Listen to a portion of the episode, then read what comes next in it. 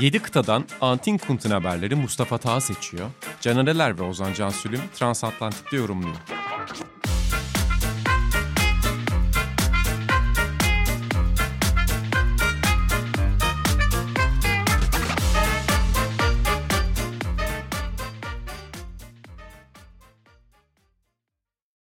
Sokrates Podcast'a hoş geldiniz değerli dinleyenler. E, Transatlantik'in yeni bölümüyle karşınızdayız. Castrol Edge'in sunduğu Transatlantik'te motor sporlarına geçiyoruz. Motor sporlarına geçerken de motor sporlarından anlayan birini aramıza alıyoruz dedik. Mustafa Ta her zaman olduğu gibi burada fakat Caner Eler yerini Mali Selışık'a bıraktı. Özel bir hoş geldin diyeyim. Mali bayağıdır da görmemiştim. Vesileyle şu anda kamerayla karşımda duruyor. Çok da keyfim yerine geldi.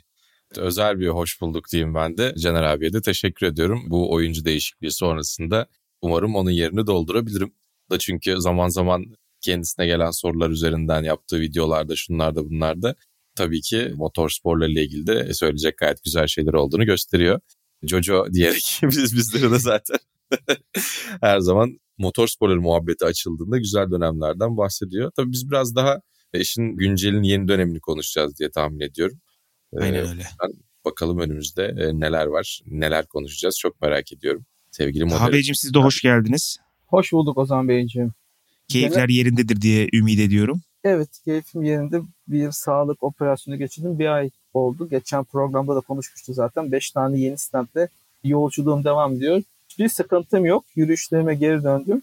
Castro Edge her ne kadar otomobilleri desteklese de podcast yaparak bana da enerji sağlamış olduğunu belirtmem gerekiyor. Güzel. Güzel bağladın. Çok sevdim bunu. Buradan konuya atlayalım isterseniz ki baktığımızda aslında biraz daha güncel konuşacağız dedik. E, şu ana kadarki bölümü mutlaka konuşacağız sezonla ama az sonra gelecek bölümden bahsetmek lazım herhalde. Biraz ben yakınım çünkü Kanada'daki yangınlar vesaireler falan derken Kanada Grand Prix'si iptal olur mu acaba ne olur falan diye konuşuluyordu. Ama ortalık bir temizlendi. Öyle bir riskte kalmadı bildiğim kadarıyla. Herhangi bir aksama olmuyor. Evet yani sonuçta geçtiğimiz yıllarda Sebastian Vettel'in sağda solda yaptığı e, protestolar ve işte topladığı ilgi alaka önümüzdeki yıllarda işte çeşitli çevre felaketleri ve işte iklim değişikliği ve işte ormanların azalması falan derken Formula 1 dahil olmak üzere pek çok spor organizasyonunun yapılamaması demek oluyor. Bununla ilgili ne düşünüyorsunuz şeklinde çok güzel sorular soruyordu motorsporları dünyasına. Hatta Miami Grand Prix'si içinde bir tişört giymişti geçtiğimiz yıl. 2060 Miami Grand Prix'si ilk su altında yapılacak Grand Prix diye. O kadar uzağa gitmemize gerek kalmadı. Usta emekli olur olmaz. Imola yarışı Emilia Romagna Grand Prix'si sel felaketi nedeniyle iptal oldu ki pist orada sular altında değildi ama o bölgenin odağının o yarış hafta sonunda daha doğrusu o hafta sonunda yarış olmaması gerekiyordu. Tüm desteğiyle işte kolluk kuvvetlerinde işte acil durum çalışanlarının da sağlık çalışanlarının da bölgeye hizmet etmesi gerektiği için Grand Prix iptal olmuştu. Bir soru işareti de çok hızlı bir şekilde aradan e, sadece birkaç e, hafta geçtikten sonra Kanada Grand Prix'si için çıktı gerçekten. Bu orman yangınlarının getirdiği hava durumu ve hava kirliliği işte küller ve işte havanın renginin değişip böyle bir Blade Runner tarzı bir ortam oluşması ki e, siz de galiba e, Washington DC'de bayağı etkilendiniz ondan o zaman. Bizde şey olmadı Allah'ta böyle sararma mararma olmadı da ben pik yaptığı gün hakikaten bir markete gideyim dedim ufaktan. Gözlerim yanıyordu ya maskeyle çıktım zaten. Ama yani gözler yanıyordu. Hani Renk o... değişimi değil de tıkanma gibi bir şeyler mi? Hani biraz? aynen aynen ama yani şeyi gördüm. Ee, özellikle o loftlarda falan oturan e, influencerlar birkaç video koymuşlar. Hiçbir şey gözükmüyor yani camın dışında. New York çok acayipti ya. Yani New Yorklulara üzülememem için en net örneği verdin galiba. Değil Bana da loftlarda oturan influencerlardan diye düşündüm. Yani loftlarda oturan adamın diyoruz. hakikaten manzarasını görememesine de üzülmeyelim değil mi? Evet ya bir, bir herhalde acı, acımayacağımız böyle bir 500-600 tane New Yorklu varsa onlardan Aynen. bir 20-30 tanesini örnek gösterdin. Ee, tebrik Aynen ediyoruz. çok çok ters yerden girdim hakikaten. Evet onu söylüyorduk işte Kanada Grand Prix'si hafta sonu öncesinde böyle soru işaretleri vardı ama şu anda sanıyorum e, yarışın devam etmesini engelleyecek bir e, problem yok. Ama mutlaka konuşulacaktır hafta sonu merak ediyorum. Tabii tabii. Mutlaka konuşulur. Burada Taha Bey size şöyle dönmek istiyorum. Bu sezona ki yani az önce işte ne konuşacağız ne yapalım falan diye girerken de yani ne konuşacağız burası da şey gibi yani Max Verstappen 2023 Formula 1 Max Verstappen sezonu adı altında geçiyor dedik. Hakikaten de ya bu sezonun konuşulabilecek bir tane insanı ve bir tane ekibi var dışında bir cümle kurabilir miyiz? Sen söyle. Kuramayız. Yani- Çok net kuramayız. Yani zaten İyi ki Fernando Alonso var diyebiliriz belki yani bir tek ekstra. Evet. İyi ki Aston Martin Fernando Alonso'yu transfer etmiş. Yeni sezon hazırlıkta iyi yapmış. Alonso heyecan katması dışında Max Verstappen bu sezon yarış kazanmayacak mı sorusu için izliyoruz. Yani ben kendi adıma bir 5 saniye veya altında bir yarış finişi görecek miyiz Verstappen ve diğerleriyle? İki Verstappen kazayla, mekanik arızayla ya da herhangi bir şekilde bir yarışı bitiremeyip başka biri bir yarış kazanabilecek mi diye ben bu sezonu takip ediyorum. Yoksa Max Verstappen ve diğerleri olarak bir sezon izliyoruz. Red Bull ve Verstappen seven turuncular bundan çok mutlu olabilir ama ben kendi adıma gerçekten çok üzgün ve gözlerim biraz yaşlı bu geride kalan yarışları izledim. Yani baştan sona niye ben bu yarışı izliyorum dediğim çok sayıda yarış geride bıraktık. Ya şey aslında çok fazla var ya dominasyon özellikle mesela takım dominasyonu işte bir ne bileyim araç dominasyonu falan oluyor da en son bu denli dominasyon hani bir pilotun dominasyonu ne zaman oldu? Mali sen söyle. Ya araç pilot ve takımı çok bence ayıramıyoruz. O yüzden en son Hamilton. Hamilton'dan önce de Schumacher, e, Vettel'le oldu. Ondan önce Schumacher'le oldu. Formula 1 galiba bir dominasyon sporu mu? Biraz onu düşünmeye. Döne döne bir dominasyon geliyor her seferinde. Evet yani çünkü belli kurallar çok spesifik bir aralık içerisinde başarılı olmayı getiriyor. Belki işte kural çeşitliliği ve kısıtlanacak noktaların daha farklı olması gerekiyor. Atıyorum işte net bir motor güç ünitesi formülü yerine işte ürettiğiniz gücün şu kadarını geri dönüştüreceksiniz. Emisyonunuz şu olacak, yakıt akış sınırı bu olacak. İstiyorsanız Vankel motor yapın, istiyorsanız pancar motor yapın, istiyorsanız 12 silindirli yapın, ne yapıyorsanız yapın dendiğinde belki herkes kendi doğrusuyla ortaya çıkabilir. Ama yine de bu dengeyi sağlamak çok kolay değil bence. Yani mutlaka birisi verilen kurallar içerisinde net farkı yaratacak, çok bariz bir şekilde öne gelecek e, şartları yakalıyor. E, bu da iyi çalışmayla, iyi bir kültürle e, ortaya çıkıyor. Kimseye piyango çıkmıyor. Yani 2009'da Bronze GP şampiyon olduğunda bile Honda'nın geçmiş yıllardaki bir çalışması vardı. Honda çekildiği için onu devralmışlardı. Öyle bir piyango çıkmıyor. Ya da sporda zaten öyle bir şey çok fazla yok. Tek seferlik maçlar dışında sezona yayılan işlerde, sezona yayılan liglerde veya şampiyonaların tamamında böyle bir şey görüyoruz. Evet Leicester uzaktan baktığımızda çok ciddi bir hikayeydi, ciddi bir peri masalıydı belki ama onun da öncesinde sonrasında ciddi bir emek vardı ve onun karşılığını alabilecekleri ortam ortaya çıkmıştı. Burada tabii e, Red Bull'un yaptığı iş çok özel. Henüz Mustafa Tağ'ın da söylediği gibi yarış kaybetmediler. Bu sezon yarış kaybetmeme ihtimalleri çok yüksek görünüyor.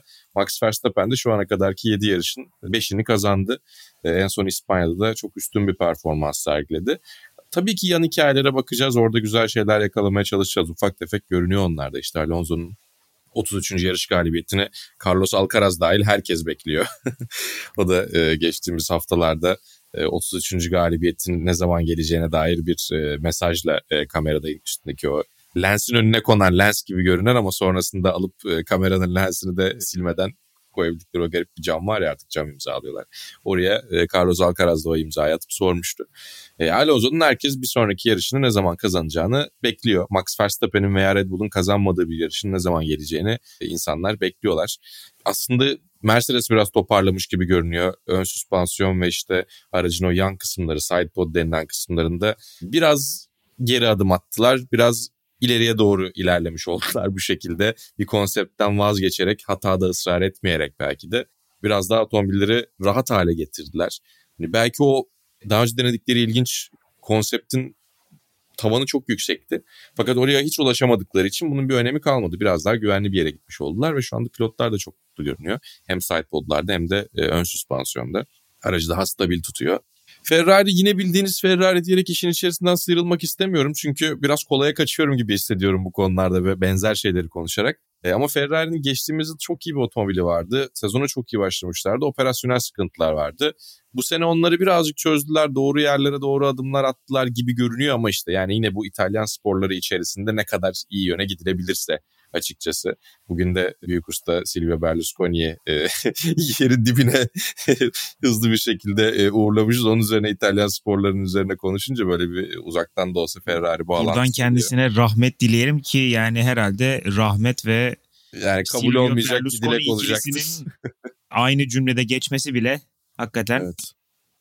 Yani şeyden magmadan acaba bir enerji deal'ı yakalar mıyım oradan Monza'ya sponsorluk getirir miyim diye bir gitti ama herhalde oradan geri dönüş olmayacak diye düşünüyorum. Yani İtalyan sporları içerisinde ne kadar toparlanabilecek hamle yapılacaksa orada birkaç tane güzel iki adım attılar. İşte strateji konusunda ufak değişiklikler yaptılar. Takım patronu değişti tabii ki Frederick Vasseur'u getirdiler falan derken Ferrari'nin biraz daha iyiye gitmesi için doğru adımları attıklarını düşünüyorum. Ama bu sefer otomobil aracın tabanında geçtiğimiz yıldan bu yıla yapılan değişikliklerden de dolayı Red Bull'un herkesten çok daha fazla anormal bir ileriye adım atmasıyla bu sefer yarış kazanabilecek bir otomobil olmaktan çıktı. O yüzden onlar da dolaylı olarak elenmiş oldular. Yani böyle hakikaten şey gibi Fatih Terim'in penaltı atacak futbolcu olamaması gibi Red Bull dışında kimsenin şampiyonluk mücadelesi verebileceği bir şart ortaya çıkmıyor. Yani işte Ferrari'ye gidiyoruz yok Mercedes'e gidiyoruz yok Aston Martin eh işte diyor falan. O yüzden de çok net sezonun koptuğu bir 2023'ten bahsediyoruz ki daha 7 yarış oldu. Ve her yıl e, yarış sayısı da gittikçe artıyor. E, bu yıl işte 23 ile başlamıştık. İptal olduğu için Emilia Romagna Grand Prix 22'ye düştük yine galiba. Doğru. Evet 22'ye düştük. Yani sezonlar uzadıkça aslında bu şartların, bu fırsatların daha fazla olmasını beklersiniz. Dersiniz ki ya daha sezon uzun. Bu sefer ya bu sezon böyle başladıysa kim bilir nasıl gidecek diye düşünüyoruz. Çok daha erken kopabilecek şartları da beraberinde getiriyor. Ama dediğim gibi böyle birkaç tane güzel e, an oluyor. Yine böyle akılda kalacak ikonik anlar yavaş yavaş birikiyor. Hepsi Max Verstappen ve Red Bull olmak zorunda bile değil hatta. Bunlar var ama tabii şeyi de etkiliyor biraz. Hani izlenilirlik kalitesi ya da ne bileyim e, Taha'nın söylediği gibi mesela. Evet. Hani ben bu yarışı niye izliyorum? Ben bu sezonu niye izliyorum eğer şampiyon belliyse, eğer e, herhangi bir şey değişmeyecekse bu herhalde ya F1 üst yönetiminin de öyle çok mutlu olduğu bir şey değildir diye düşünüyorum. Bilmiyorum. Yani mutlu değillerdir tabii ki ama bir diğer taraftan da ya buna yapabilecekleri bir şey yok. Çünkü daha önce e, Formula 1 yönetimi işte hem FOM hem FIA Uluslararası Otomobil Federasyonu ve Formula 1 yönetim Formula Management hep öndekini bir şekilde engelleyelim dediler ve öndekinin yerini başkası aldı. Do- dominasyon oluşturabilecek bir spor olmaktan Formula 1'i uzaklaştırmak için güzel adımlar atıyorlar aslında. Yani bütçe kısıtlaması alttaki takımlarla üstteki takımları birbirine çok yaklaştırdı. Normalde işte 300-400 milyon dolarlardan 135-140 milyon dolarlara indi zirve takımların bütçeleri. Oradaki makas çok daraldı. Onun dışında sezonu yukarıda bitiren takımlar ki bu yıl boyunca değil sezon ortasında bir kez daha bakılıyor nasıl yapıyorlar diye. Rüzgar tüneli ve e, hesaplamalı akışkanlar dinamiği kullanımını alttaki takımlara göre daha az yapabiliyorlar. Daha az gelişim, sezon içi gelişimlerini de kısıtlıyorlar onların bir şekilde. Ya bunlar doğru. Öndekiyle sondakini yakınlaştırmak için yapılan hamleler doğru. Red Bull biraz bunlara rağmen bence bunlar yüzünden değil şu anki kurallara rağmen çok iyi bir iş çıkarıyor. Ya ona da gerçekten yapabilecekleri hiçbir şey yok. Buna bir şey yapmaya kalkarlarsa bu sefer tekrar bir önceki yaptıkları ve hatalı olan adımlara dönerler. Ama Formula 1'i güzel yerlere götürüyorlar. Las Vegas mesela sezonun en acayip yarışı olacak. Yani cumartesi günü Thanksgiving hafta sonunda yani inanılmaz bir e, cesaret örneği göstererek tabii ki pazar gününe NFL'in karşısına koymadılar ama o hafta sonu cumartesi günü The Strip'ten geçen bir Formula 1 pisti yaparak Las Vegas Grand Prix'si yapacaklar. Güzel adımlar atıyorlar. Formula 1'in geleceğinin hala çok sağlıklı ve parlak olduğunu düşünüyorum. Ama gerçekten Mustafa Tay'a da şu anlamda katılabiliyorum. Bu yarışın başına niye geçelim diye düşünen izleyicilere verebilecek hikayeleri de arttırmaları gerekiyor. Şu eklemeyi yapayım. Evet biz pist üstü sportif performans olarak konuşuyoruz ama şu anda Amerika'da Formula 1'in müthiş bir yükselişi var. Mali de söyledi işte. Şu anda 3 tane Grand Prix yapı- yapılacak işte. Evet Miami, Austin ve Las Vegas. Las Vegas 3 ve Las Vegas için çok büyük beklentiler var. Hatta 500 milyon doların üstünde gelir elde etmesi bekleniyor sadece bilet satışından. Ee, aslında baktığımızda evet sportif performans olarak biz hani izleyici babında söylediğimizde çok mutlu bir sezon değil bizim için. Çünkü yani Red Bull'un bir rakipsizliği söz konusu ama diğer alanlarda e, Formula 1 gelişiyor. Üstelik de Amerikan pazarı Kuzey Amerika'da çılgın bir şekilde katlanarak büyüyor. İşte bu hem yayın anlaşmalarıyla hem izleyici reytingleriyle de çok yönlü. O zaman siz oralardasınız muhtemelen çok yakından hisse, hissedemiyorsunuz fiziksel olarak ama izlenme ve popülerlik anlamında Formula 1'in en hızlı yükseldiği pazar Kuzey Amerika oluyor. Ya burada görünüm itibariyle herhangi bir şeyin NASCAR'a geçme imkanı yok Hmm. gibi geliyor bana. Çünkü ya şöyle diyeyim tabii ki her yerde spor açık. Her yerde, her pub'da hatta restoranlarda bile televizyon var. Niye bilmiyorum ama yani NASCAR'a bir şeyin geçmesi çok zor gibi duruyor burada. Ama yani dediğiniz gibi işte ilerleyen dönem için daha iyi hamleler olabilir. Ben NASCAR manyaklığını burada hakikaten gördüm yani şeyden gördüm. Niye izliyorlar bunu? Ya bana Formula 1 daha ya ne bileyim rally bana daha izlenebilir bir şey gibi geliyor. Ama NASCAR'ı şey gibi izliyorlar. Böyle hani gözüne ışık tutulmuş tavşan gibi izliyorlar. O yüzden çok acayip bir seviye. Bunu söylerken tabii şeyi de bahsettik hani Perez'den bahsettik, Verstappen'den bahsettik, Alonso'dan bahsettik. Bahsetmediğimiz bir Lewis Hamilton var. Onunla ilgili şeyi soracağım size. Son dönemde işte sezon sonu kontratı bitiyor. Ferrari'den teklif varmış. İşte Wolf'la buluşmuşlar ama e, anlaşmışlar ama kimse söylemiyor gibi. Böyle garip garip söylentiler var. Onun için de herhalde garip bir sezon. Yani dominasyonu hani kırıldı. Onu devretti. Şimdi bir de kontrat değiştirme sezonu ya da kontrat yenileme sezonu enteresan bir sezon oluyor e, Lewis Hamilton için ben çok kısa konuşacağım. E, bütün bunlar Daily Mail'in parmağından kaynaklı.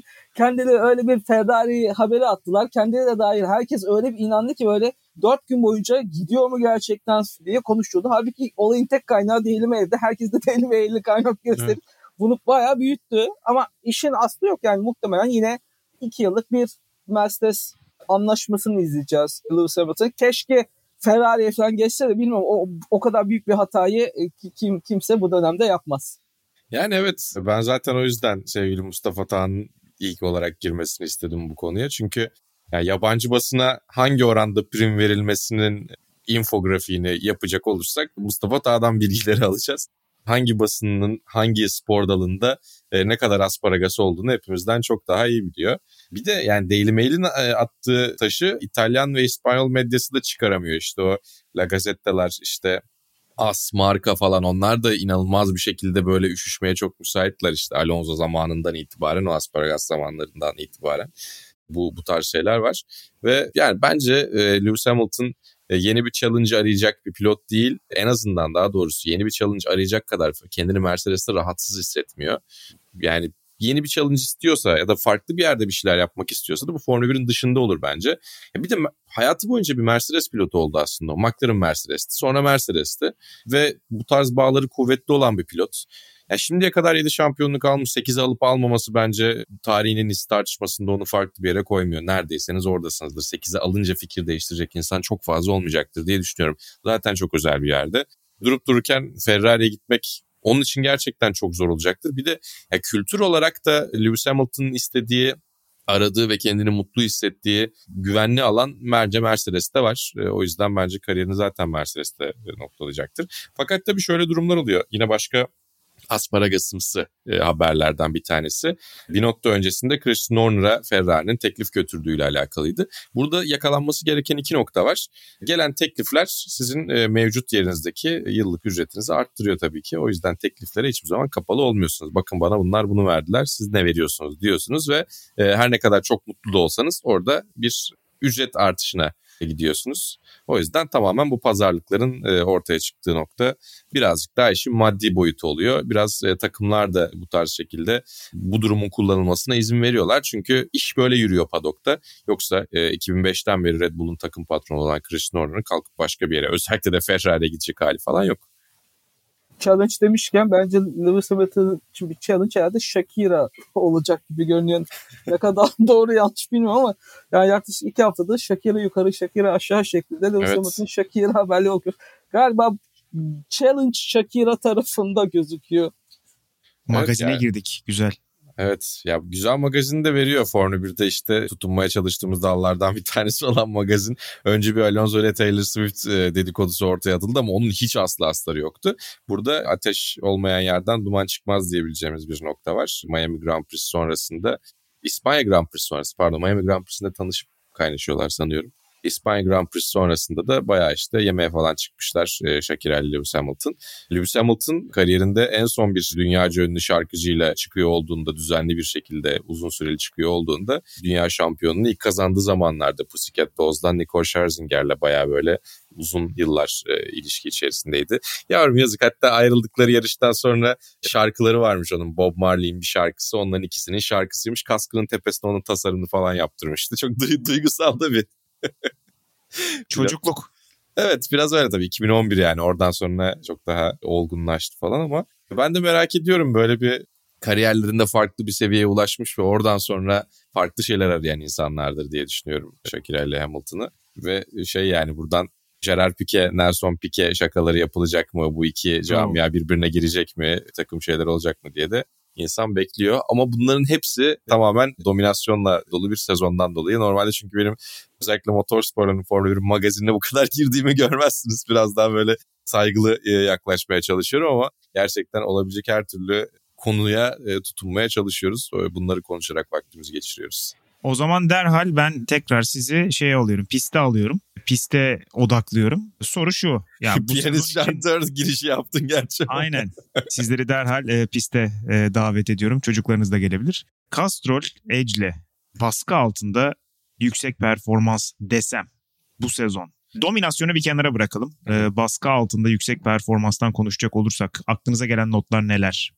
Valla aslında yani bu Castrol'e de güzel denk geliyor tabii ki ama bu sezonun çok güzel günlerinden bir tanesi Monaco'nun e, cumartesi günüydü. Sıralama turları günüydü. Orada çok fazla risk alan pilot oldu. Bunu tutturamayanlar oldu işte seansın başında Sergio Perez e, başta olmak üzere. E, fakat orada Esteban Ocon'un kendine pazar günü üçüncülüğü getiren sezonun Alpine adına ilk podyumuna getiren sıralama turu bence hakikaten baskı altında e, iyi performansa baskı altında kendini göstermeye çok güzel bir örnekti. Tabii ki onun zirvesi e, Max Verstappen'in Fernando Alonso'nun hızlı turunu attığı cevap turuydu. Son seansta hatta yani son seansın son kısmında. Son virajlarda son sektörde biraz duvarlara dokunarak hatta o duvarların içerisinden geçerek neredeyse böyle illüzyon şeklinde de görünüyor. E, çok kötü iki sektör atmışken önceki turlarına göre daha kötü e, iki sektör atmışken hatta doğru hatırlıyorsam e, Alonso'dan kesinlikle daha yavaş bir yarım turu geride bırakmışken son sektörde e, işleri tamamen tersine çevirmişti.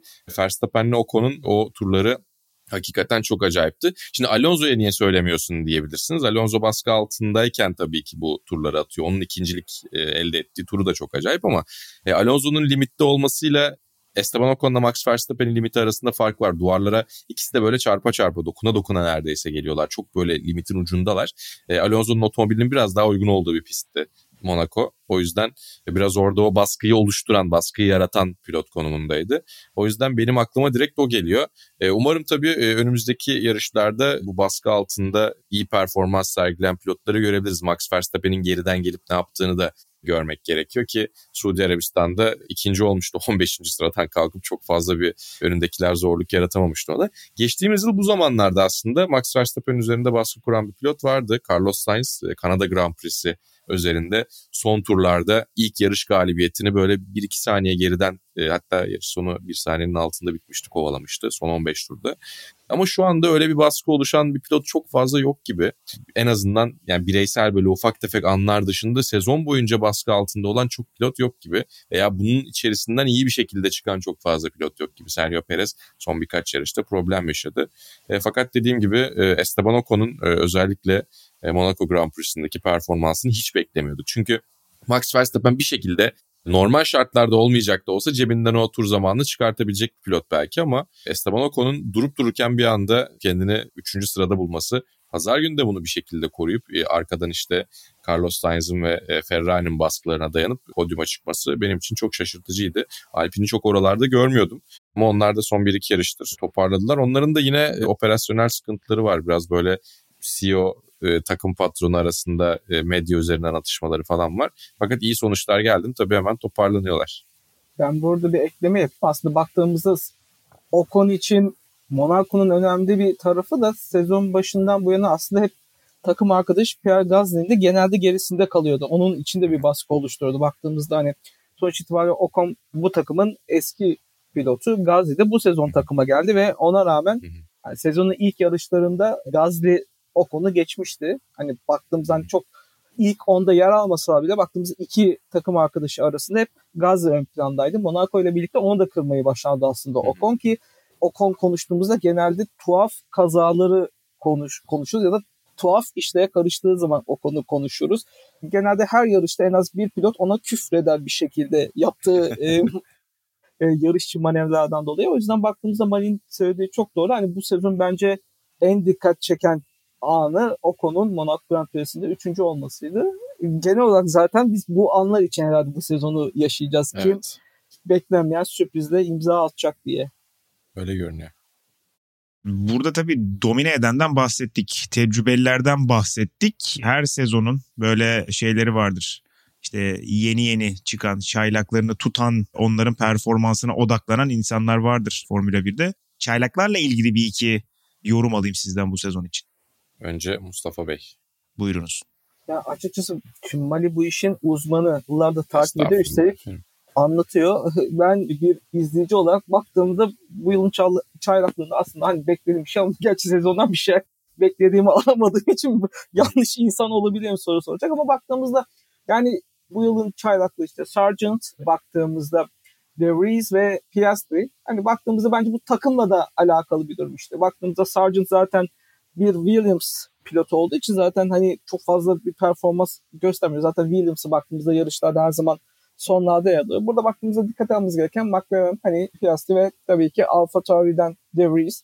Benim çok beklentilerim karşıladı ama hani dikkat çeken bir şey yaptı ama açıkçası yapmadılar yani. Zaten hani baktığımızda McLaren için de bekle hani çok beklenti içerisinde olan bir sezon değil işte. Hani Hmm. geçen yarışta da çok iyi bir sıralama turu geçirdikten sonra yarış performanslarında istediklerini elde edemedi. O yüzden de zaten hani takım istediği bir performansı yakalayamayınca pilotun da ön plana çıkması çok fazla mümkün olmuyor.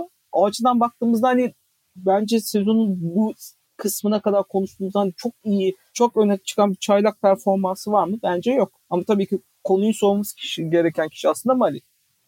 Teşekkür ederim.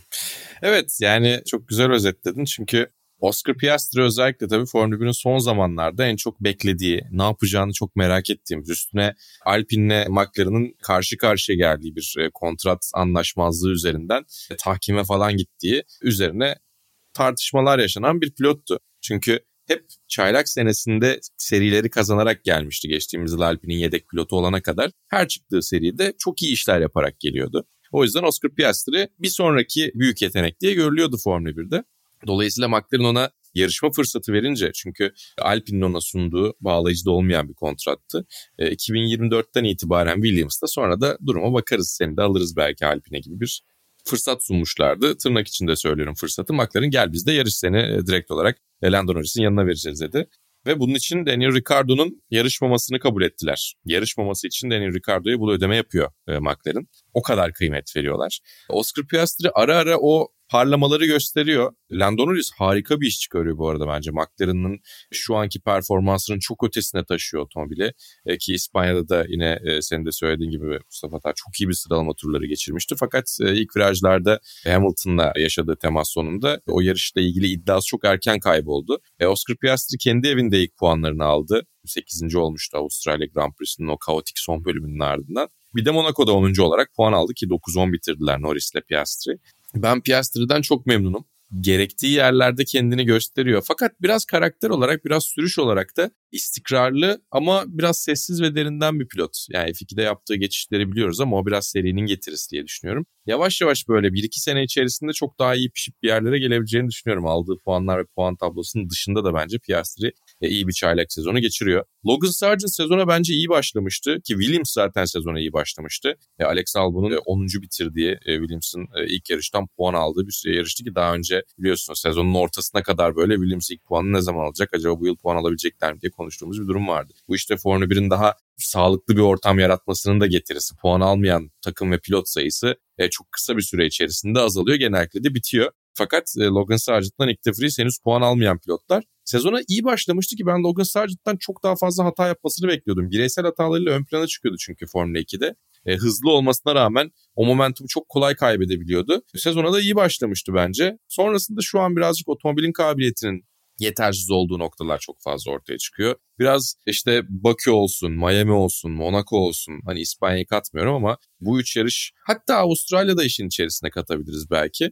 Limitte olmadığınız sürece otomobile tam anlamıyla güvenmediğiniz sürece geriye düştüğünüz, geri kaldığınız pistler. Şimdi ya risk alacak ve kaza yapacak. Bu sefer bir çaylak pilot olarak kaza yapıyor olduğu için eleştiri okları ona çevrilecek.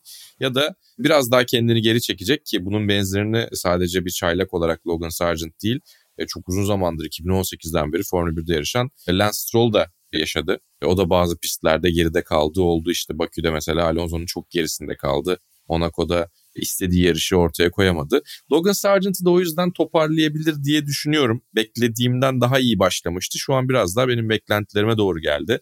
Bir Amerikalı pilot olarak devamlılığını sağlamasını isterim açıkçası e, Williams'ın veya başka bir takımın. Çünkü Amerikan pazarında devamlı bir pilota da ihtiyaç var. İşte, Şimdi ondan bahsedecektim. Genellikle bağ kurmak için hep bir ABD evet. bayrağı arıyor buradakiler. O Tabii, yüzden USA, onlar için de değerli. USA bağıramadıkları Aynen. spor organizasyonlarını benim değildir, bizim değildir Aynen. diyerek İlla görmek istiyorlar o bayrağı orada bir şekilde. Aynen öyle.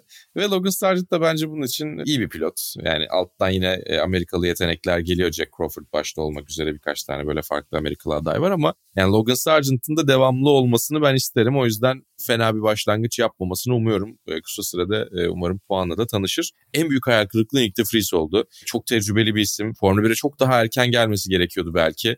E, şu anda 28 yaşında 1995 doğumlu bir Formula E dünya şampiyonu olarak geldi. FIA dünya şampiyonu olarak geldi. Tsunoda'nın takım arkadaşı oldu ve Tsunoda'nın tozunu yutmakla meşgul neredeyse her seansta. E, çok fazla hata yapıyor. Geçtiğimiz yıl Alex Albon'un yerine bir yarış yarışmıştı Williams'ta ve çok sağlam bir performanslı puan almıştı Williams için Monza'da. Onun üstüne Nick De Vries geldiğinde çok sağlam bir iş yapabilir. Hatta belki Sergio Perez'in yetmediği bir sezonda Nick de Vries'in çok iyi bir performans sergileyip ardından Verstappen'in yanına bir Hollanda milli takım oluşturduğu Red Bull'u bile aklımdan geçirmiştim ben. Tamamen yanılmışım. Nick de Vries çok büyük hayal kırıklığı. Bu kadar tecrübeli, bu kadar yetenekli bir pilotun bu kadar çözülmesi, e, bu kadar çok hata yapması, kazalar yapması, temaslar yaşaması benim için çok kabul edilebilir görünmüyor. Bir de Formula 1'de genellikle bir alışma süresi genelde 6 yarış 7 yarış gibidir. O eşiği de geçtik gibi duruyor. Yani yaz arasında gitmeden bir şeyler göstermek zorunda yoksa e, Daniel Ricciardo'yu geri çağırabilirler. İşte Yeni Zelandalı Liam Lawson'ı bir şekilde yerine getirebilirler ya da sezon sonunda kesinlikle Nick De e, deneyi e, başarısız olmuştur diyebilirler. Beni en çok şaşırtan o yüzden Nick De oldu. Oscar Piastri gayet iyi. Logan Sargent da iyi başladı ve orta karar devam ediyor diyelim. O zaman yavaş yavaş da podcast'in sonuna doğru gelelim diyorum ama ekleyeceğiniz bir şey varsa buyurunuz kapatmadan benim ekleyeceğim şey pilot, pilotlardan konuştuk. Sezonun ikinci yarısı en azından pilotların elde ettikleri başarılara göre kontrat devam edecekler mi takımlarında kalacaklar mı? Muhtemelen o dedikodular ve o muhabbetler de artacaktır. Hani belki dediğim gibi hani sportif açıdan çok beklentileri karşılamayan sezonun ikinci yarısında yine muhtemelen konuşacağımız konulardan biri kim kalacak, kim gidecek olacak. Hani sezon ilk yarısında bu kadar fazla pilotlar üzerinde baskı yok ama yarışlar ilerledikçe artık hani performanslar da gün ışığına gitgide çıkınca yerlerini koruyacaklar mı koruyamayacaklar mı onu da konuşacağız ilerleyen e, yarışlarda. Daha fazla magazin. Evet yani drama kovalayacağız gibi duruyor. Ben de katılıyorum işte takım içi çatışmalar, çeşitli koltuğu tehdit altında olan pilotlar falan derken biraz işin haber kısmını daha çok kovalayacağız. Orada daha fazla entertainment olacak gibi. Biz bunu söylüyoruz ama mutlaka çok acayip, çok beklenmedik, çok keyifli yarışlar olacaktır. Fakat de sezonun genel metasının Max Verstappen ve Red Bull'un çok net üstünlüğü olması bu tahmin edilebilirliği arttırıyor ve tahmin edilebilirlik artınca da bizim için çok keyifli bir ortam ortaya çıkmıyor. Yine de dediğim gibi yapılan işi çok takdir ediyorum. Bir taraftan da onu söylemek gerekiyor. Çünkü ya böyle bir dominasyonu dominasyon oluşmasını çok sağlıklı bir şekilde engelleyen kural bütününde çok rahat bir şekilde elde edebilmek bence göründüğünden çok daha büyük bir iş. Yani Red Bull'un daha önceki üstün dönemi, Mercedes'in yakın dönemdeki üstün dönemi, Ferrari'nin Michael Schumacher işte ve bütün o ekibin üstün döneminin içerisinde bu bence 2022-23 hatta nereye kadar devam edeceğini de bilmediğim kısım bana farklı yönden etkileyici geliyor. Daha etkileyici demeyi de çok doğru bulmuyorum. Ama yıllar geçtikten sonra bu işin göründüğünden daha zor olduğunu, ne kadar zor bir işi ne kadar kolay gösterdiklerini de anlayacağız bence Red Bull'un.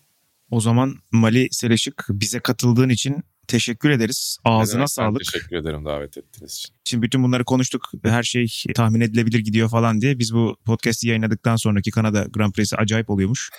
Tam tam bir şey. kendi evinde kazanıyormuş. İşte ikinci Lando Norris, üçüncü de Nick De Vries oluyormuş. O kadar laf ettiğim için. Aynen.